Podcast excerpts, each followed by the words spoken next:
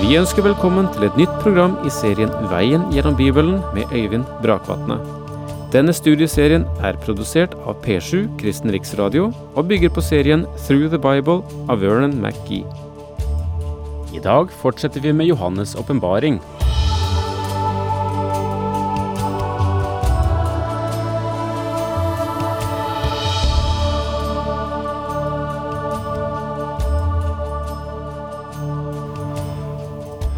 Vi startet på åpenbaringsboken sist, og vi er fremdeles i introduksjonsfasen av denne mektige bok.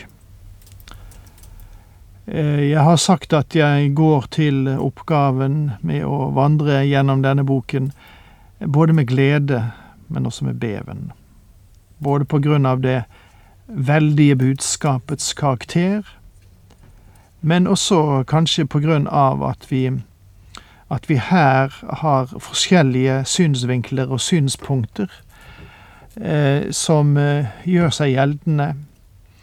Og eh, jeg har valgt min linje gjennom eh, denne boken, som jeg, som jeg tror kan, kan være riktig å følge.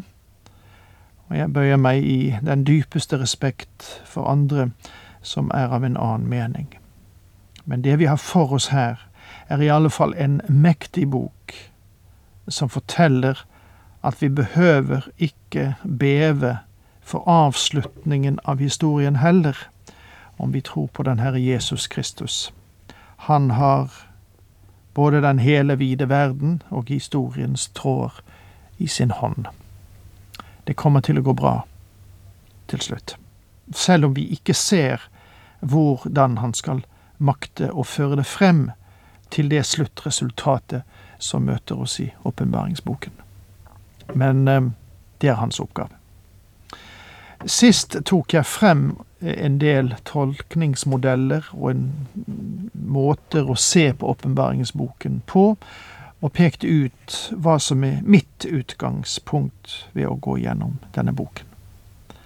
Og selv om du har et annet utgangspunkt, så håper jeg likevel at det kan være mye av verdi å få under gjennomgåelsen av de enkelte deler, selv om vi kan se linjene noe forskjellig. Jeg sa at når det gjelder den uh, tolkningsskole, uh, eller det tolkningssynspunkt jeg har, så kan det være relativt nytt sett i historisk sammenheng. Ja, det, det er neppe mer enn en, en hundrede år som, et, som en systematisk eh, synspunkt. Eh, det er blitt utviklet et system vesentlig gjennom dette århundret. Men det gjelder ikke bare for dette. For når det gjelder tolkningen av det som har med de siste ting å gjøre, så eh, er det av relativt ny, ny dato generelt sett. De øvrige tolkningene som jeg allerede har nevnt, er også relativt unge. Og samtidig så må jeg få si at det er andre tolkninger som tidligere var aktuelle, men nå ikke ofres særlig oppmerksomhet. For eksempel trodde postmillianistene at verden ville bli bedre og bedre, at menigheten skulle omvende hele verden, og da ville Kristus komme og herske. Vel, det er et synspunkt som er nesten dødt i dag. Etter to verdenskriger, en verdensvid depresjon og kriser og atter kriser som verden synes å gå igjennom, så er det meget få som fremdeles holder fast ved denne forståelsen. Det finnes også dem som holder fast ved amillianismen, og det betyr at de ikke tror på et tusenårsrike i det hele tatt. Det er også et synspunkt som ikke lenger er i forgrunnen når det gjelder forståelsen av åpenbaringsboken. Dette sier jeg for å fortelle at det er synspunkter på dette som både har steget frem og er blitt mer aktuelle, mens gamle, tidligere synspunkter har måttet vike plassen og ikke lenger er aktuell. Men med fare for å bli litt kjedelig og oppramsende vil jeg gjerne gi dere visse sitater fra en rekke betydningsfulle menn i fortiden som forteller at de ventet på at Kristus skulle komme igjen. De ventet ikke på en stor trengselstid, de så ikke engang frem mot tusenårsriket, men de så etter ham som skulle komme. Og denne forventningen er selve hjertet i den tolkningsmodell som jeg føler er mest passende for forståelsen av de siste ting. Clement, i år 96, biskop i Rom, sa La oss hver time forvente Guds rike. Vi kjenner ikke dagen. Polikarp, år 108, biskop i Smyrna, ble brent på bålet der han sa, Han skal oppreise oss fra de døde, vi skal herske med ham. Ignatius, biskop i Antiokia, som historikeren Eusebius sier var apostelen Peters etterfølger, har følgende kommentar Se på tiden og vent på ham. Papias, i år 116, biskop i Hierapolis, som, ifølge Ireneus, så og hørte apostelen Johannes, han sa, Der skal komme ett tusen år da Kristus personlig skal herske på jorden. Justinus martyren år 150 sa, Jeg og alle andre som er ortodokse kristne på alle punkter, vet at det vil komme et tusenår i Jerusalem, som Jesaja og Esekiel forkynte. Ireneus, i år 175, biskop av Lyon, når han kommenterer Jesu løfte om igjen å drikke vintreets frukt i sin fars rike, sier blant annet dette kan bare oppfylles ved Herrens personlige tilbakevending til jorden. Tertulian år 200 sa vi bekjenner i sannhet at et rike er lovet opprettet på jorden.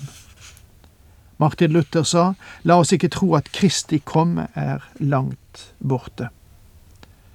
La meg få understreke at dette var en lære som ble trodd og forkynt av de fremste kirkefedre i tiden etter apostlene og senere i historien, og ikke avvist av noen i denne epoke.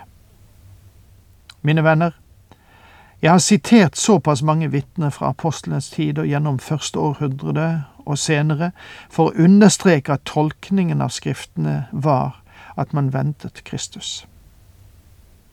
De eh, synes ikke å ha ventet noen spesiell trengselsperiode, men de ventet Kristus.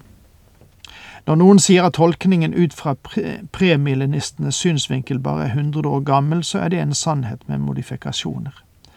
Men igjen må jeg her få si, tro ikke noe fordi jeg sier det, men ransak selv Skriftene. Mange fromme og dyktige fortolkere også i vårt eget land har en annen synsvinkel, og jeg bøyer meg for dem i ærbødighet. La meg så si litt om særtrekkene ved åpenbaringsboken, noen av dem i alle fall. Det er seks slående særtrekk når det gjelder åpenbaringsboken. For det første, det er den eneste profetiske bok i Det nye testamentet. Det er 17 profetiske bøker i Det gamle testamentet, men bare én i Det nye testamentet. For det andre, Johannes, som er forfatteren, strekker seg lenger bakover og inn i evigheten enn noen av de andre forfatterne i Skriften. Det gjør han også i sitt evangelium, som åpner slik. I begynnelsen var Ordet, og Ordet var hos Gud, og Ordet var Gud. Og deretter går han frem til skapelsen. Alt er blitt til ved ham, uten ham er ikke noe blitt til av alt som er til. Og deretter, når Johannes skriver åpenbaringsboken, strekker han seg lenger også fremover inn i evigheten, inn i fremtiden, enn noen annen. Og det evige riket, der vår Frelser Jesus Kristus skal være Herre, stråler foran ham. For det tredje, der er en spesiell velsignelse lovet dem som leser denne bok. Salig er den som leser ordene i denne profeti, og de som hører dem og tar vare på det som der står skrevet, for tiden er nær. Slik står det i Åpenbaringen 1 vers 3. Det er et løfte om velsignelse. Vi får også en advarsel ved slutten av boken rettet til dem som klusser med innhold i den.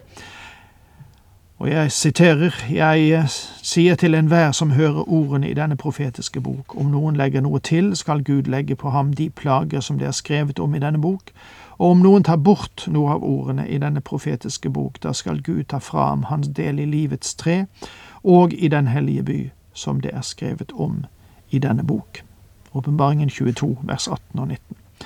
Det er en advarsel som burde få en del forskrudde fortolkere av det profetiske budskap til å stoppe, se seg om og lytte.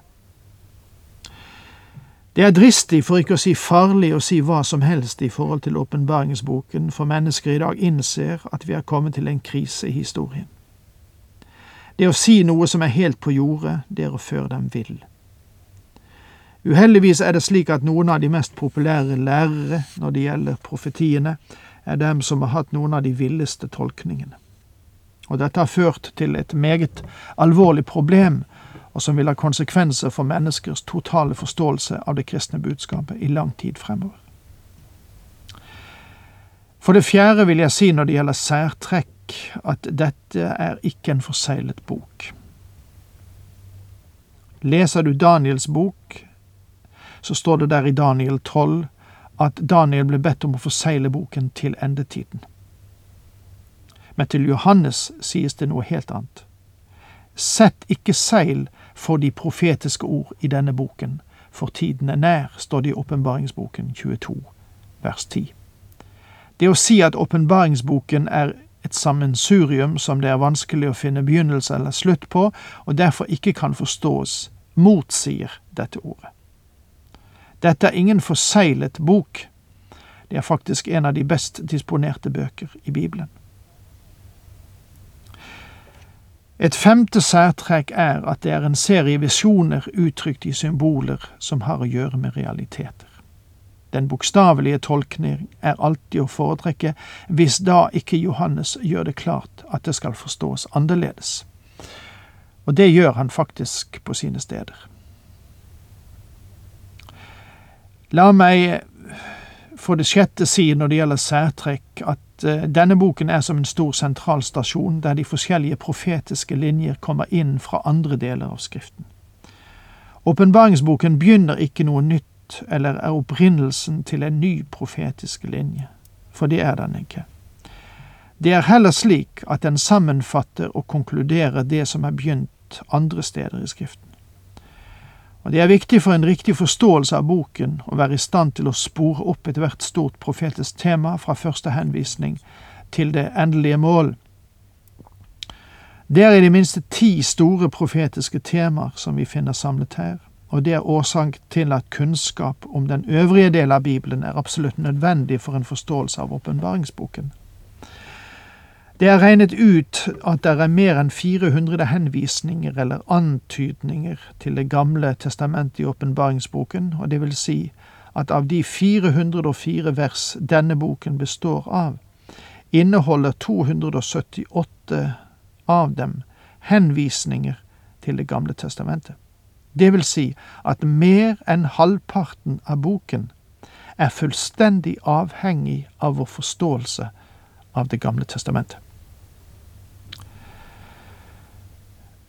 Så vi vil gå videre når det gjelder disse profetiske linjer jeg har nevnt når vi møtes neste gang, for nå er tiden ute. Takk for nå. Herren med deg.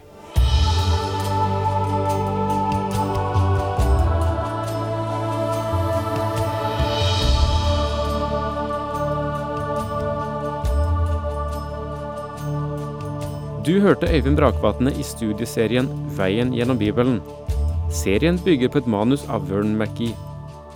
Har du spørsmål eller kommentarer til programmet, kan du sende en e-post til vgb krøllalfa p7.no. Takk for i dag, og på gjenhør.